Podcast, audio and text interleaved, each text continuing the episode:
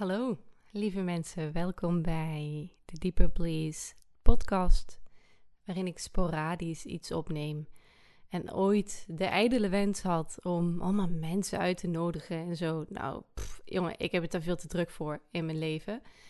Uh, en als ik niet druk ben, wil ik helemaal niks doen. En niet uh, alle uren van de dag opvullen met allemaal dingen die zouden kunnen. Oh, de, zoals mijn lieve vriendin dat altijd zegt, die dat dan weer heeft van haar R-West-docent James. The tyranny of the shoots. De tyrannie van alles wat zou moeten en zou kunnen. Ja, daar kunnen we ons behoorlijk mee vermoeien. Uh, in ieder geval ik uh, behoorlijk. En vandaag, zoals je hoort, maak ik weer gebruik van een wat betere microfoon. Af en toe kan ik hem gebruiken. Um, en het is zo omdat dit is eigenlijk de microfoon van mijn vriend. En normaal gesproken maakt, pak ik dan een andere microfoon die wat minder goed is. En deze is knijtergoed.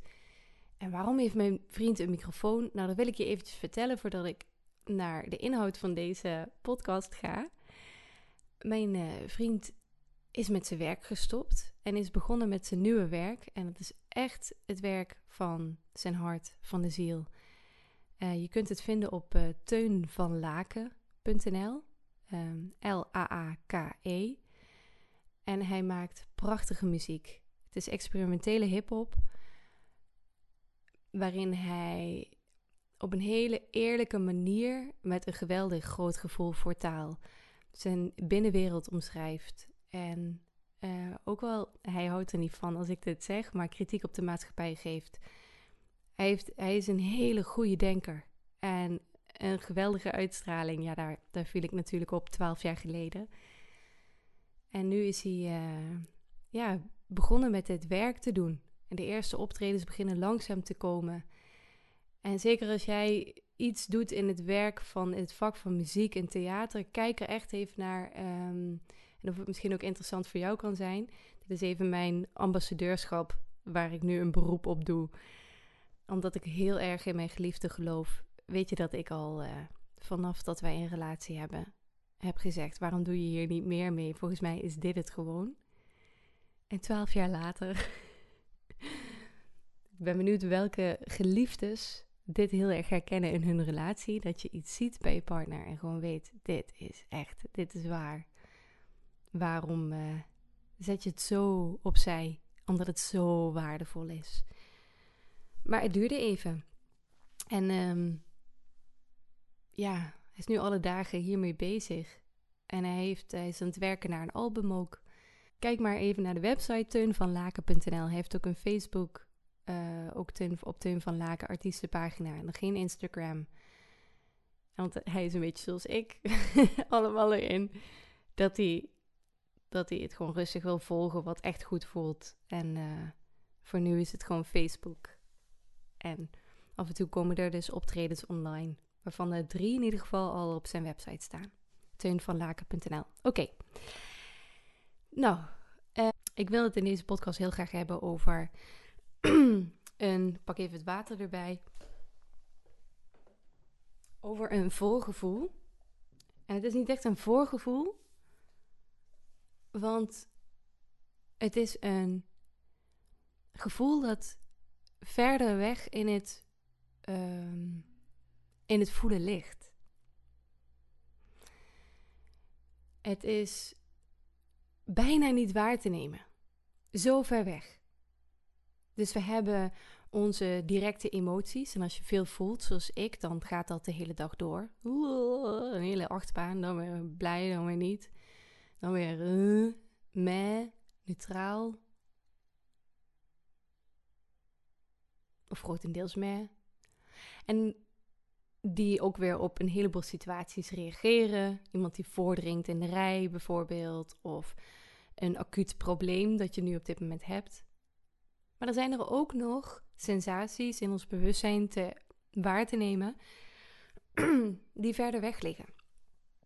En daar wil ik vandaag naar spreken. Want juist die gedachten die niet en de voorgrond van onze gedachten zijn. Dus niet helemaal, stel je voor, je gedachten zitten allemaal in je hoofd. Dat ze niet aan de voorkant van je hoofd zitten, maar dat ze helemaal ergens achterin verstopt zijn. Ehm, en die gedachten die meer achter, verder weg zijn gestopt, en die gevoelens, die sensaties, die ook wat verder weg liggen, die zijn heel interessant. Want die vertellen vaak iets heel waarachtigs over dit moment en over wie we zijn en waar we naartoe mogen. En nu is er bij mij een sensatie, en misschien herken je hem ook wel vaker in je leven, heb je vaker meegemaakt, um, dat er iets niet klopte. Dat je het gevoel had van, nee, hier klopt iets niet. Dan kwam je bijvoorbeeld in een ruimte met allemaal mensen, een feestje, en je had een beetje zo'n gevoel van: wat is hier aan de hand? Of er is een probleem met familie en er wordt ergens over gesproken, maar het voelt alsof er. alsof iedereen het ergens over heeft waar het eigenlijk niet om gaat. Of je leidt gewoon je leven. En je kijkt om je heen en je hebt het gevoel: iets klopt hier niet. Nu is het zo dat die Ierse dichter en mysticus, mijn allerbeste fictieve vriend, uh, John O'Donoghue, dat hij zegt dat we voor altijd dit gevoel zullen blijven houden. Volgens mij schrijft hij dat in een van zijn boeken Anamkara of, nou ja, Belonging. Um, weet dat Belonging? Echoes of Belonging? Dat weet ik niet. Um,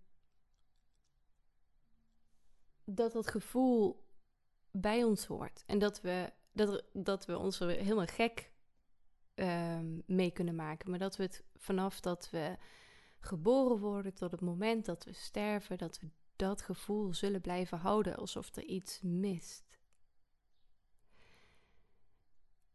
Nu maak ik een diepe buiging voor de wijsheid die hij heeft. Maar ik wil ook benoemen dat er, dat er meer is dan dat.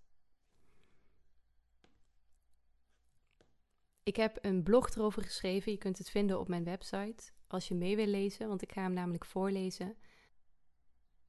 Zo vaak voelde ik dat er iets niet klopte. Ik keek naar mijn leven en aan het oppervlak leek er niet veel aan de hand te zijn. Naast de dagelijkse problemen was er niets dat duidde op mijn voorgevoel dat er iets ontbreekte dat belangrijk was. Alle ingrediënten leken er al te zijn om verder te kunnen. Maar ik, ik voelde dat ik op de een of andere manier aan het wachten was op een laatste belangrijk puzzelstukje. En het is heel interessant, want in mijn werk als spiritueel begeleider hoor ik hier anderen ook vaak over spreken. Wanneer ze dit doen, dan voelt het uitspreken van deze woorden als een bekentenis. Bijna een verlossing. Maar daarna raakt men verstrikt in de ontkenning daarvan. En dan hoor ik ze vaker zeggen: Ach, het zal wel niet zijn. Ik heb toch alles wat ik wil? Een lieve man, kinderen, een dak boven mijn hoofd. En misschien is het wel zo'n gevoel dat er altijd zal zijn. Een eeuwige onvrede in mezelf. En het najagen van de betekenis ervan, dat zal me helemaal gek maken. En hop, het gevoel wordt met deze woorden weer weggestopt. Ik herken de krachtige impuls om het te willen negeren heel goed. Sterker nog, het zelfs niet willen uitspreken en er niet aan willen toegeven is een belangrijk element van de kern van deze woorden. En waarom dat is, dat zal ik zo verder vertellen, later vertellen. Dus het niet willen uitspreken van deze woorden en het niet eraan willen toegeven is een belangrijk element van de kern van er klopt iets niet. Maar eerst wil ik een, voordat ik daar meer over vertel, wil ik een persoonlijk voorbeeld met je delen. Over hoe de gedachte er klopt iets niet een richtingaanwijzer is in het onthullen, in het onthullen van een grotere waarheid. En toegegeven, dit is een lange podcast, een lange blog ook. En misschien voor sommigen veel te lang. Maar het is rijk aan een heleboel informatie. Dus ik zou zeggen, als je het nog niet gedaan hebt, zet een kopje thee of een kopje koffie. Pluk, pluk, pluk, pluk, pluk, en gun jezelf een momentje. Nou, komt-ie. In oktober 2020, dus vorig jaar, belanden mijn partner en ik in een kleine botsing met een andere auto. En godzijdank, wij zijn er heel uit van afgekomen, zonder enige schram ook maar. Ja, een beetje een stijve arm had ik de volgende dag, maar heel, helemaal niks, mijn lichaam. En ook niet het lichaam van mijn vriend. Maar ons eerste kleine blauwe autootje, ook wel ons onderdeurtje genoemd, werd rechtstreeks naar de autobegraafplaats gebracht. En daarvoor in de plaats konden we de minicamper van de ouders van mijn partner overnemen. Nou, er ging natuurlijk wat tijd overheen. Maar dit was letterlijk een geluk bij een ongeluk. En zelfs de hoofdprijs, want we hebben altijd al over een camper gedroomd. Maar um, ja, dat, toen was het ook corona. Dus we konden al een beetje voorzichtig gaan dromen over post-corona vakanties. En waar we allemaal naartoe kunnen gaan. Noorwegen. Reizen door heel Europa. Slovenië. De Baltische Staten, waar we ooit al een keer zijn geweest. En wat we heel mooi vonden. Maar ik durfde nog niet zo heel erg snel in onze nieuwe auto te kruipen. Uh, achter het stuur. Want het ongeluk dat had een grotere impact op me dan ik wilde. Maar op een zondagmiddag, een ruime maand na het ongeluk, op een industrieterrein probeerde ik het toch. En ik wilde eigenlijk niet, maar ik pushte mezelf achter het stuur te stappen en een rondje te maken met mijn vriend naast mij als steun. En er was helemaal geen auto in de buurt, dus de kust was veilig. En ik ging zitten op die stoel en ik, ja, ik zette zo de stoel naar voren, hè, want ik ben een stuk kleiner dan mijn vriend. En de, de rugleuning wat rechter, spiegeltje goed. En ik begon te rijden, zoals ik altijd heb gereden. In andere auto's. Maar gelijk merkte ik dat ik wat moest wennen aan de grootte van deze auto. En ook dat is op zich niet wereldvreemd voor mij, want ik heb ook in bijvoorbeeld de Mercedes Vito busje gereden en een andere auto die mijn ouders hebben gehad. Dus het was niet heel vreemd, maar het was wel wennen. En ja, het gebeurde. Ik nam een stoepje mee. Iets wat, wat, ja, wat kleins en iets dat gewoon kan gebeuren. Maar mijn vriend die knalde uit elkaar van spanning. En dat is, hij is echt zo'n lieve, geduldige man. Maar ja, dat, op dat punt, hij, was ook, hij vond het ook zo spannend. En gelijk kroop ik weer terug in mijn schulp. En ik durfde helemaal niet meer. Dus ik dacht, ja, fuck dat autorijden. Um, en mijn vriend verontschuldigde zich, zich snel. Maar... En was ook helemaal compleet geschrokken door zijn eigen reactie. Maar mijn enige kruimeltje lef was al ver uit het zicht gerold. En vanaf dat moment nam ik het voornemen om bewust met, mijn angst om te gaan. Ik heb mijn hele leven al een onbegrijpelijke angst voor het verkeer. Dus ik wist ook dat het belangrijk was voorzichtig met mezelf om te gaan in dit onderwerp. Ik wilde vooral lief zijn voor mezelf, geduldig en in de eerste plaats opnieuw een uitstekende bijrijder worden. Dat was mijn eerste doel. Voordat ik zelf weer achter het stuur zou kruipen, mocht ik eerst weer leren te ontspannen op de bijrijdersstoel. Ik wilde het proces van weer gaan rijden niet aanpakken op een rationeel pushende wijze, een manier die van groot nut is geweest in vele andere momenten in mijn leven. Maar ik vroeg me af, kan het ook anders? Ik weet, de hele wereld zegt altijd gewoon doen, just do it. Hè? Maar kan het ook anders? En ik voelde dat ik graag de zachte, ontspannen, feminine wijze wilde proberen. De feminine kijk weet dat ik op een dag weer zal rijden. En het geeft me alle tijd. En het schiet niet in paniek, terwijl de maanden stilletjes aan me voorbij gaan. Waarin ik niet auto rijd. De feminine wijsheid heeft vertrouwen. In mij, maar ook in alles wat nog niet gezien is. Het weet dat hier veel meer wordt aangeraakt dan wat ik met mijn eigen blote bolletje kan begrijpen.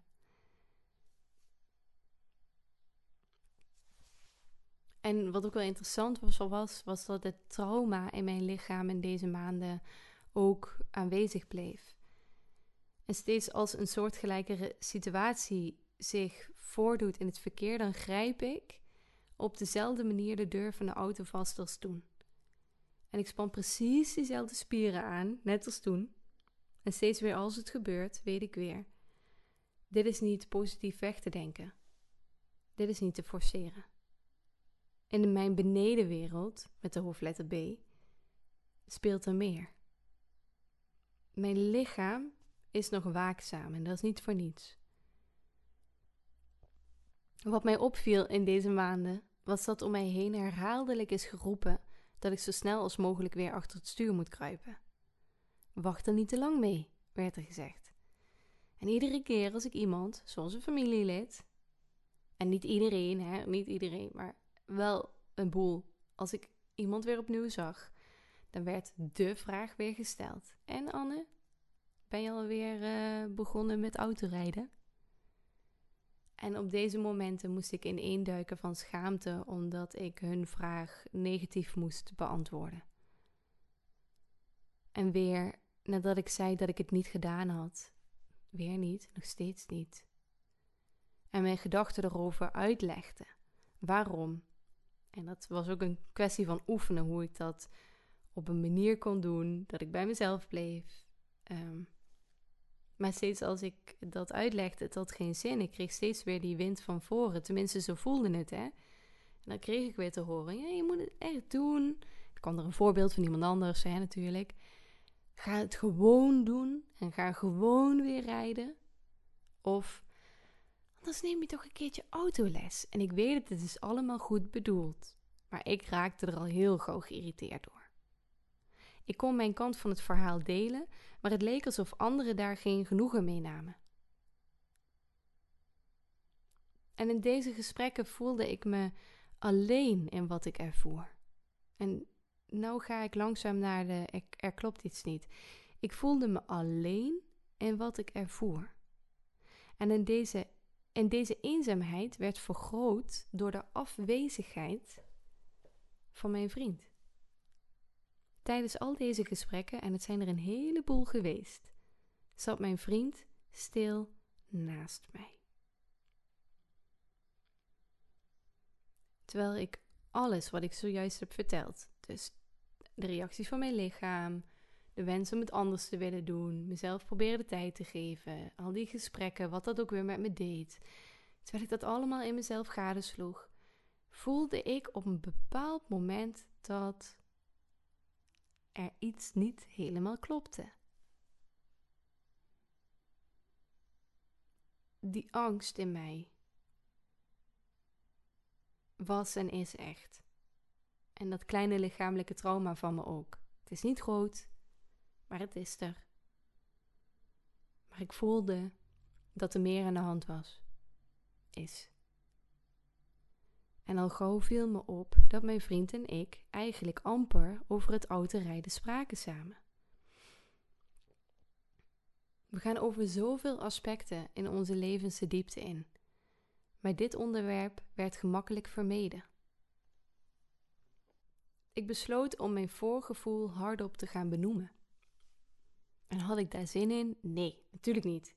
Ik zag er vreselijk veel tegenop en waarom wist ik niet, maar er was een heel groot verzet dat dit gesprek niet wilde aanknopen. Er was een heel groot verzet om te benoemen dat er iets niet klopte. Maar mijn nieuwsgierigheid, zoals altijd in het leven, dankjewel nieuwsgierigheid, nam echter de leiding. Op een dag, en ook alweer in de auto, uh, raapte ik mijn moed bijeen en vroeg: hey, zullen we... En mijn vriend zat dus, was dus aan het rijden en ik zat ernaast, was uitstekende bijrijder. Hey, zullen we het eens een keertje over... Of een keertje, laten we het nu hebben over mijn autorijden. Waarom hebben we het hier niet samen over? Dat valt me op. Dus zonder verwijt, maar alleen maar de vraag stellen. We reden op de snelweg en het was vrij rustig. Dus er was ruimte om dit onderwerp ook echt aan te snijden. En mijn lief bevestigde dat we het er inderdaad weinig over hebben en dat hij ook niet wist waarom. Maar na even nadenken, zei hij iets wat me verraste. Ineens klopte alles, alsof ik dat ene puzzelstukje, alsof die ineens op de juiste plek viel. Er viel een last van mijn schouders en ik voelde in mezelf meer de ruimte waarin de organische beweging kan ontstaan om achter het stuur te willen kruipen. Anne, ik, uh, even voor het gemak, doe ik hem eventjes zwaarder, hè? De stem, zodat je weet dat hij het is. Anne, ik, uh, ik wil niet dat jij gaat rijden. Ik vind het te eng. Met grote ogen keek ik hem zijlings aan en richtte daarna mijn blik weer snel op de weg. Hoezo? Wat bedoel je? Hoezo vind jij dit te eng? Hè? Nou, ik moet zelf weer wennen aan het rijden. Ook ik vind het spannend en ik vind het zo eng om de controle uit handen te geven.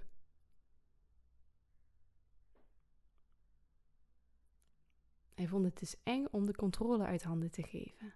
En ook hij vond het spannend. En in plaats van boos op hem te worden, lachten we samen om deze bekentenis. Dus als ik het goed begrijp, zeg ik tegen hem, zit iedereen op mij te bitchen dat ik niet auto rijd. Terwijl het niet alleen mijn schuld is. Want jij houdt het ook tegen. Nou, lekker dan. De volgende keer open jij je mond ook maar. Als andere mensen weer tegen mij een bitje zijn. Uh, ja, dat uh, zal ik doen. Je hebt gelijk. En mijn vriend schaapte zijn keel steken dat hij daar niet echt naar uitkeek, maar wist dat het wel het juiste was om te doen. dat is hij ook sindsdien gaan doen. Ehm, en al die keren, al die voorafgaande maanden, zat mijn vriend zwijgend naast mij, terwijl ik steeds weer op het goed, goed bedoelde gepreek van anderen, terwijl ik steeds weer het goed bedoelde. Oh my god, Oké, ik ga even de zin weer nog een keer zeggen. Al die keren, in alle voorafgaande maanden, zat mijn vriend zwijgend naast mij, terwijl ik steeds weer het goed bedoelde gepreek van anderen hoorde. En in dat zwijgen, in die stilte, koude hij op een verborgen waarheid waar, waar hij zich te veel voor schaamde om het hardop uit te spreken. Het onvermogen om te kunnen rijden zat niet alleen in mij, maar ook hij hield het tegen. Beide ervoeren we schaamte. Beide waren we bang. Beide droegen we iets in ons dat het resultaat had dat ik niet in beweging kon komen. En we hebben het er nog wel een paar keer over gehad, maar tegenwoordig ligt het onderwerp weer te verstoffen in de hoek van de kamer. En ja, je raadt het al. Yo, still in drive-in, el coche. Ik schaam me er zelfs zo voor dat ik het in een andere taal zeg. En dat ik er een grap van maak. Met andere woorden, de vertaling. Ik rijd nog steeds geen auto. Punt. Wat ik leerde uit deze ervaring, en ik ben nog niet uitgeleerd, want de beweging is nog niet in flow tussen aanhalingstekens, is het volgende. Daar waar we blijven twijfelen. Daar waar we geen keuze kunnen maken. Daar waar geen beweging mogelijk is. Wordt iets nog niet gezegd. En ik haal, herhaal die zin nog een keer. Dus daar waar we blijven twijfelen. Daar waar we geen keuze kunnen maken. Daar waar geen beweging mogelijk is. Wordt iets nog niet gezegd. De juiste informatie is nog niet vanuit de benedenwereld naar boven gekomen die de beweging wel mogelijk maakt. Toen mijn geliefde begon te spreken over zijn wantrouwen naar mij en zijn angst om de controle los te laten, begon de levensenergie in mij weer te stromen. Op dat moment kwam er ineens die ruimte in mezelf waarin ik voelde: en nu kan ik. Ik voelde me in één klap lichter en vrijer. En het was kort, maar het gebeurde en het was echt. En het was een begin.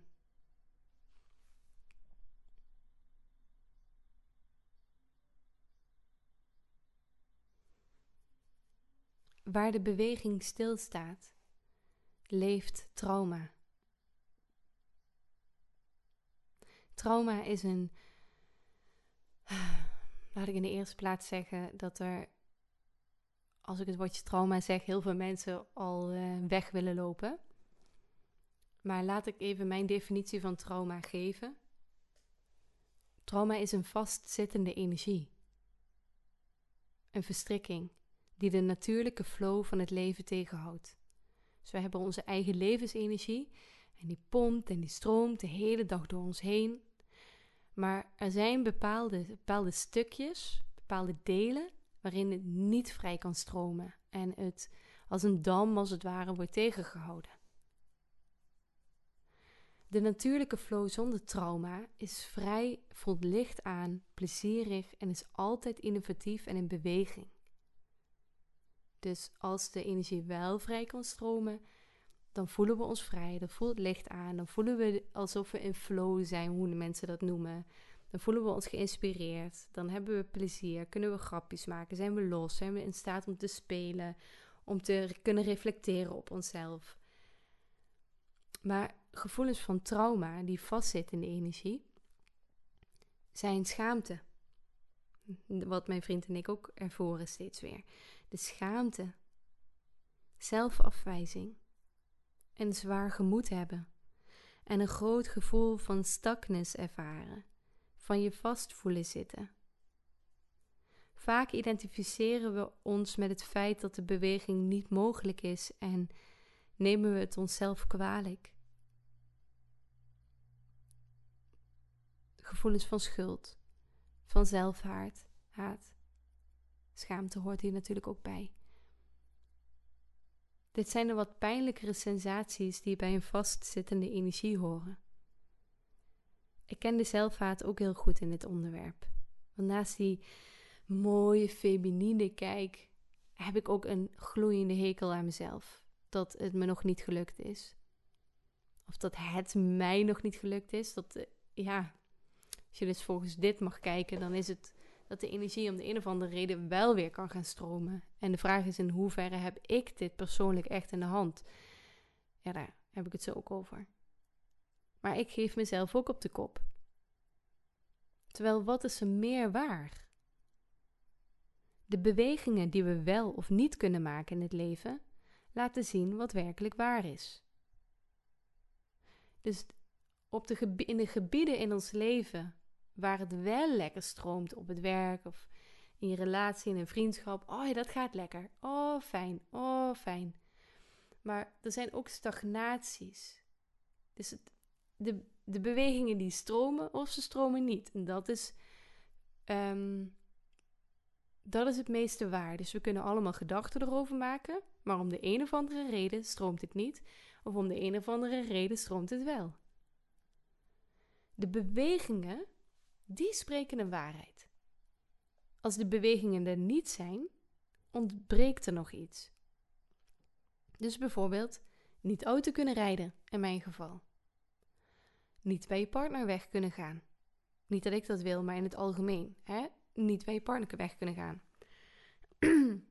um, niet contact kunnen opnemen met die ene vriendin na een ruzie. Niet iets kunnen vertellen, een geheim op kunnen biechten kijk ook echt naar de online geheime klas die ik heb gemaakt om meer inzicht hierin te krijgen. Niet je waarheid kunnen delen, etcetera, etcetera. En terwijl die bewegingen wel of niet stromen, maakt de mind een heel overtuigend verhaal waarom we dit niet kunnen. En valt in veel gevallen verwijtend het eigen zelf aan. Maar waar de beweging stilstaat, ook al is het maar bij één persoon, zijn er meer mensen die met het vastzitten verbonden zijn. En ik kan dit zeggen omdat ik zoveel uh, mensen spreek in mijn praktijk die huwelijksproblemen hebben. Um, die zo vastzitten die geen kant zien om op te gaan. En alles wordt dan in de schoenen van één persoon geschoven. vaak de schoenen van degene die ehm, bij mij komt. Dat hij of zij dat zo voelt bij zichzelf. Van ja, maar ik kan geen keuze maken. Ik kan niet de beweging maken. Maar het, als dat er is, er zijn altijd meer mensen mee verbonden. En geloof me, in mijn eigen geval, ik ben gekke Henkie niet, hè. Ik kies er niet bewust voor om niet auto te rijden. Ik wil vrij zijn, ik wil gelukkig zijn. Ik wil de auto kunnen pakken naar mijn lieve familie en vrienden. Ik wil mijn eigen kracht en autonomie voelen door het gebruiken van ons bakbeest. Dat is de naam voor deze auto.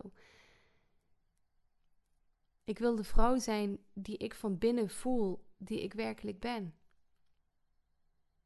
Weet je hoe stoer ik eigenlijk ben? Dat klinkt een beetje stom om te zeggen, maar misschien voel jij dat ook wel zo in jezelf van de persoon waarvan je eigenlijk voelt, ja, maar dat ben ik echt. Maar op de een of andere manier komt hij er helemaal niet zo goed uit. Hoe krijg ik die persoon die ik echt ben meer naar buiten? Ehm, maar weet je hoe stoer ik eigenlijk ben? Hoe zelfstandig? Maar er is iets, en ik weet niet wat dat iets is, wat me steeds weer op mijn plek houdt. Als de mensen die in mijn praktijk komen zeggen: Het klinkt misschien raar, maar ik heb het gevoel dat er iets niet klopt. En daarna hun woorden willen bagatelliseren, wat zo goed als iedereen doet, word ik stil en zeg ik: oh, er bestaat een hele grote kans dat je meer gelijk hebt dan je denkt. Zodra dit vage, intuïtieve gevoel komt, zeker op momenten dat we ergens helemaal aan vast lijken te zitten, en we onszelf erom op de kop geven, dat die ingrediënten, dan kunnen we er prat op gaan dat wij niet de enige zijn in dit gevoel. Het kan zijn dat onze partner iets achterhoudt. Of, en, allebei, zou kunnen, wij houden belangrijke informatie achter voor onze partner. We zijn niet helemaal eerlijk. We zeggen niet wat we echt voelen en wat we echt denken, omdat we de sfeer goed willen houden, of omdat we geen oude koeien uit de sloot willen halen. Of omdat we denken dat het toch niks zal opleveren. Bijvoorbeeld. We lopen ergens met een grote bocht omheen. Maar het kan ook zijn dat er nog verborgen informatie is vanuit de families. Een geheim waarover gezwegen wordt, bijvoorbeeld. Een zogenaamd ancestraal trauma. Dus een de energie, de flow, de natuurlijke levensenergie in de familie die ergens gestopt is. En wat wij ook in onze eigen levens voelen. In onze eigen lichamen. Iets wat in de schaduw van schaamte leeft. En of wat uit de bescherming voor het nageslacht dat op heden niet gedeeld wordt. Iets wat niet, iets wat um, echt niet hardop gezegd kan worden. Want het zou gewoon te erg zijn als we dat zouden zeggen. Als we dit aan die persoon zouden vertellen. Te veel schaamte, te veel willen beschermen.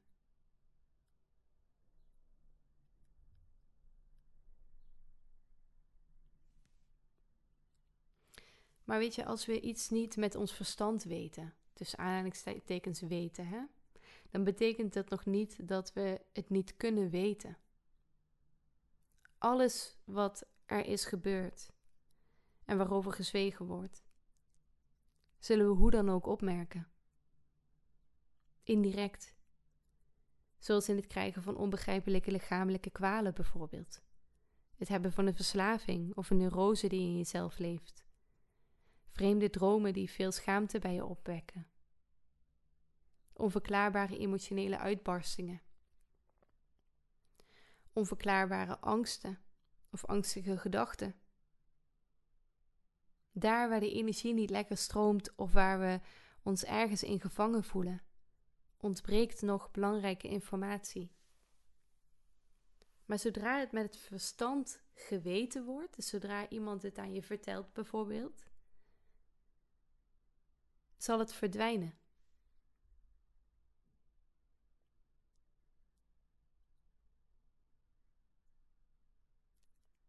een heel klein voorbeeld.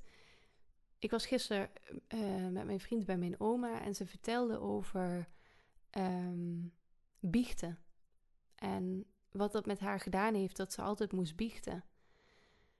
En dat ze iedere keer als ze geen seks had uh, ten behoeve van de voortplanting, dat ze dan uh, daarover moest biechten.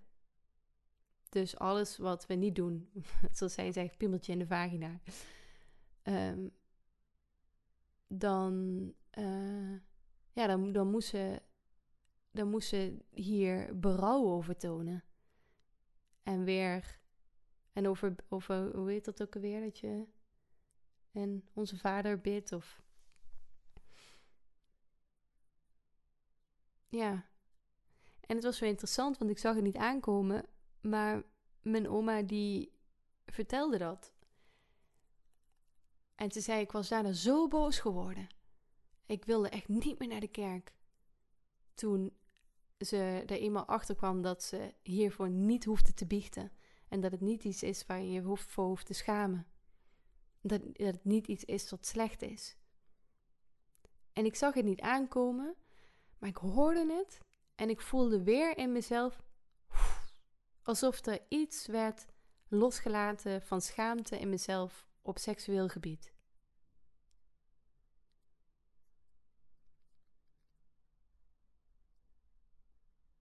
Dus alleen maar omdat mijn oma die ervaring deelde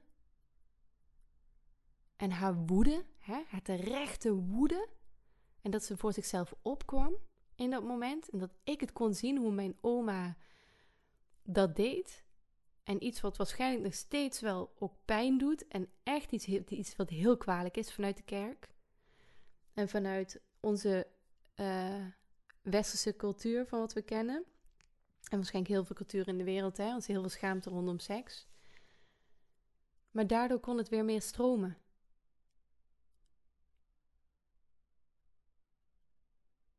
Dus, nou ja, terugkomend op de. Er klopt iets niet. Als die zin naar boven komt, bij jezelf. En als we het dan weer weg willen stoppen. Maar laten we dan pauzeren en het volgende overwegen.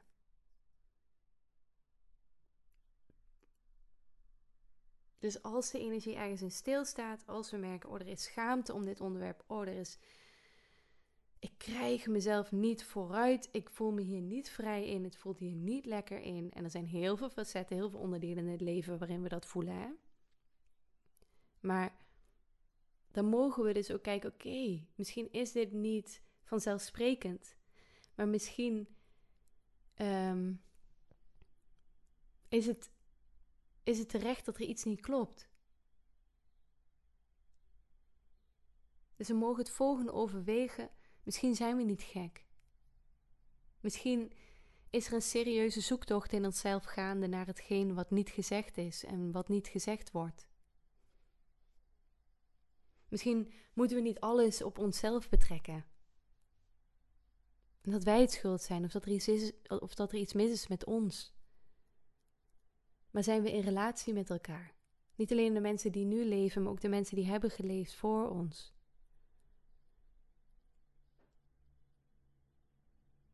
Ons lichaam is als een soort van Lego-kasteel opgebouwd uit heel veel verschillende stukjes van alle mensen die voor ons zijn gegaan. En wat ze allemaal hebben meegemaakt. En alles wat daarin niet lekker stroomt en wat daarin in de verstrikkingen zit, in het trauma, dat voelen wij vandaag de dag in vormen van schaamte, van vastzitten, van de problemen die we herhaaldelijk tegenkomen. Zoals bij mij bij het autorijden, dat altijd maar weer terugkomt. What the fuck is dat, jongen? ik vond het moeder al, vroeger al moeder. Ik vond het vroeger al moeilijk. Was dat een uh, Freudiaanse verspreking? Ik weet het niet. Maar ik vond het vroeger al moeilijk om te leren fietsen.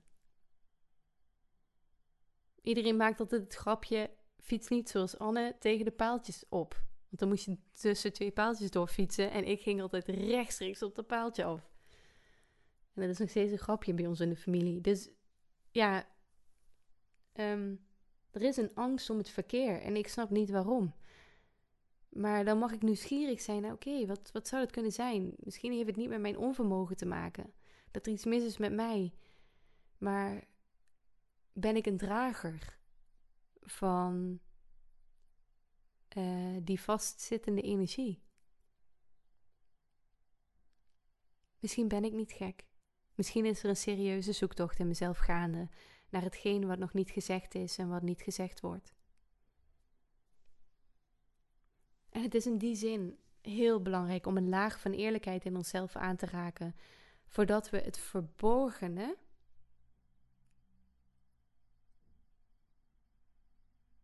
kunnen ontvangen. En het verborgene is dat wat nog niet gezegd is. Wat, nog, wat wel al geweten wordt door het lichaam en door de bewegingen die we niet kunnen maken. Maar wat nog niet gezegd is, um, letterlijk, zodat we weer kunnen. En die eerlijkheid, die laag van eerlijkheid, die kunnen we in je eigen handgeschreven handdoek bijvoorbeeld. Uh, hand, hand, wat zeg ik nou? Handboek? Handdoek? Dagboek. Ik ben een beetje moeten worden. Het is ook het einde van de, van de podcast bijna. Um, je kan het in je dagboek opschrijven in alle eerlijkheid. Uh, en of delen met mensen die je echt vertrouwt. En waarvan je weet dat ze die laag van eerlijkheid kunnen dragen. Vind een plek om alles op tafel te durven gooien. Als wij zelf al dingen gaan tegenhouden, dan zeggen we tegen het verborgene dat het ook niet uitgenodigd is om te komen. Dus door zelf te zwijgen over wat we wel weten, zeggen we nee tegen dat wat verder in ons bewustzijn ligt. En zeggen we nee tegen de verandering waar wij zelf en alle betrokkenen naar verlangen. We zeggen nee tegen de verborgen kennis in het ancestrale bewustzijn of het collectieve bewustzijn dat ernaar verlangt met, volledig, met het volledige bewustzijn gezien te worden. Dus we zeggen nee tegen al die verborgen kennis die er is. Maar als we wel eerlijk zijn over wat we liever niet willen zeggen. Dus hetgeen wat we wel kunnen doen. Hè? Er is een heleboel wat we niet kunnen doen. Maar dat is wel een deel wat wij ook wel kunnen doen. Bijvoorbeeld het feit dat ik het maar niet met mijn vriend erover heb. En dat ik het idee heb van, hè, wat gebeurt daar nou? En die, dat verzet dat ik voel. Hè? Dat niet willen en het niet kunnen ook. Maar wel op een gegeven moment denken, nou misschien is het wel goed. Wat zou het doen? Ehm, als we wel eerlijk zijn over wat we liever niet willen zeggen. En dat mogen we allemaal op ons eigen tempo doen. Op een manier die bij ons past. En op een manier die enigszins nog, nog veilig aanvoelt. Dan zeggen we heel voorzichtig: Ja, ik ben er klaar voor. Laat de waarheid maar naar mij en naar ons toekomen. Er is één manier Um, een bekende coachingsmanier is dat, die ik wel vaker gebruik. Um, dat is het schrijven van een brief aan de mensen waarbij we niet helemaal eerlijk durven te zijn. En ik zeg altijd heel duidelijk: deze brief, het zal heel goed kunnen dat je geliefde deze brief nooit gaat lezen. Bijvoorbeeld als het je geliefde is of een familielid. Maar ik wil graag dat je hem gaat schrijven. Dat je zelf op een hele, hele eerlijke manier. En dat je hem aan mij gaat voorlezen. Zodat er twee mensen zijn die jouw absolute eerlijkheid, je lelijke, pijnlijke eerlijkheid, die waarschijnlijk een heleboel mensen zal kwetsen als andere mensen dit zouden weten, maar dat er één iemand anders in de wereld is die dit even hoort. En het is zo'n mooie manier, want er kan zo dieper gevoeld worden. Wat dan, ook weer, wat dan ook weer de weg vrijmaakt voor het verborgene dat naar je toe kan komen. Die eerste lagen, die moeten eerst gevoeld worden door onszelf. En dat kunnen we doen met een professional of met mensen die we uh, vertrouwen.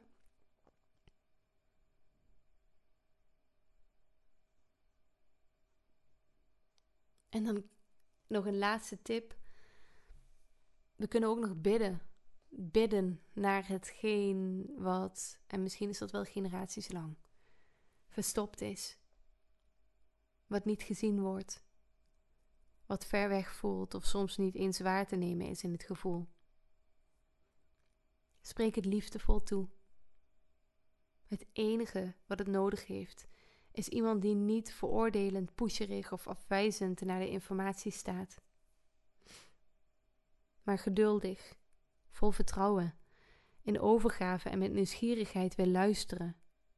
Echt wil luisteren. Als we zeggen, er klopt iets niet, dan betekent dit eigenlijk, er wordt iets niet gezegd. En tot op heden is het nog niet gelukt om het verborgene dat er is, genoeg veiligheid, liefde en aandacht te bieden, zodat het naar de voorgrond kan treden. Er is nog een tussengebied. Een tussengebied waar wij zelf de eerste kleine stappen mogen zetten. En als laatst, wat mijn autorijden betreft, ik krijg binnenkort persoonlijke begeleiding om meer ontspannen te kunnen luisteren naar het verborgene. De echte Anne, die is al aan het rijden. Maar er is nog iets wat om mij heen hangt, wat uh, eerst gezien mag worden. En ik ben benieuwd, als je dit zo allemaal hoort, heb je het gevoel na het luisteren van dit verhaal dat er iets niet helemaal klopte?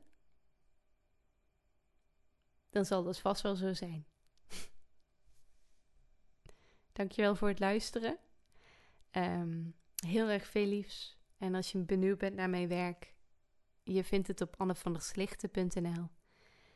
Mijn hoofdthema waarmee ik werk is ziek, is ziek van verlangen zijn.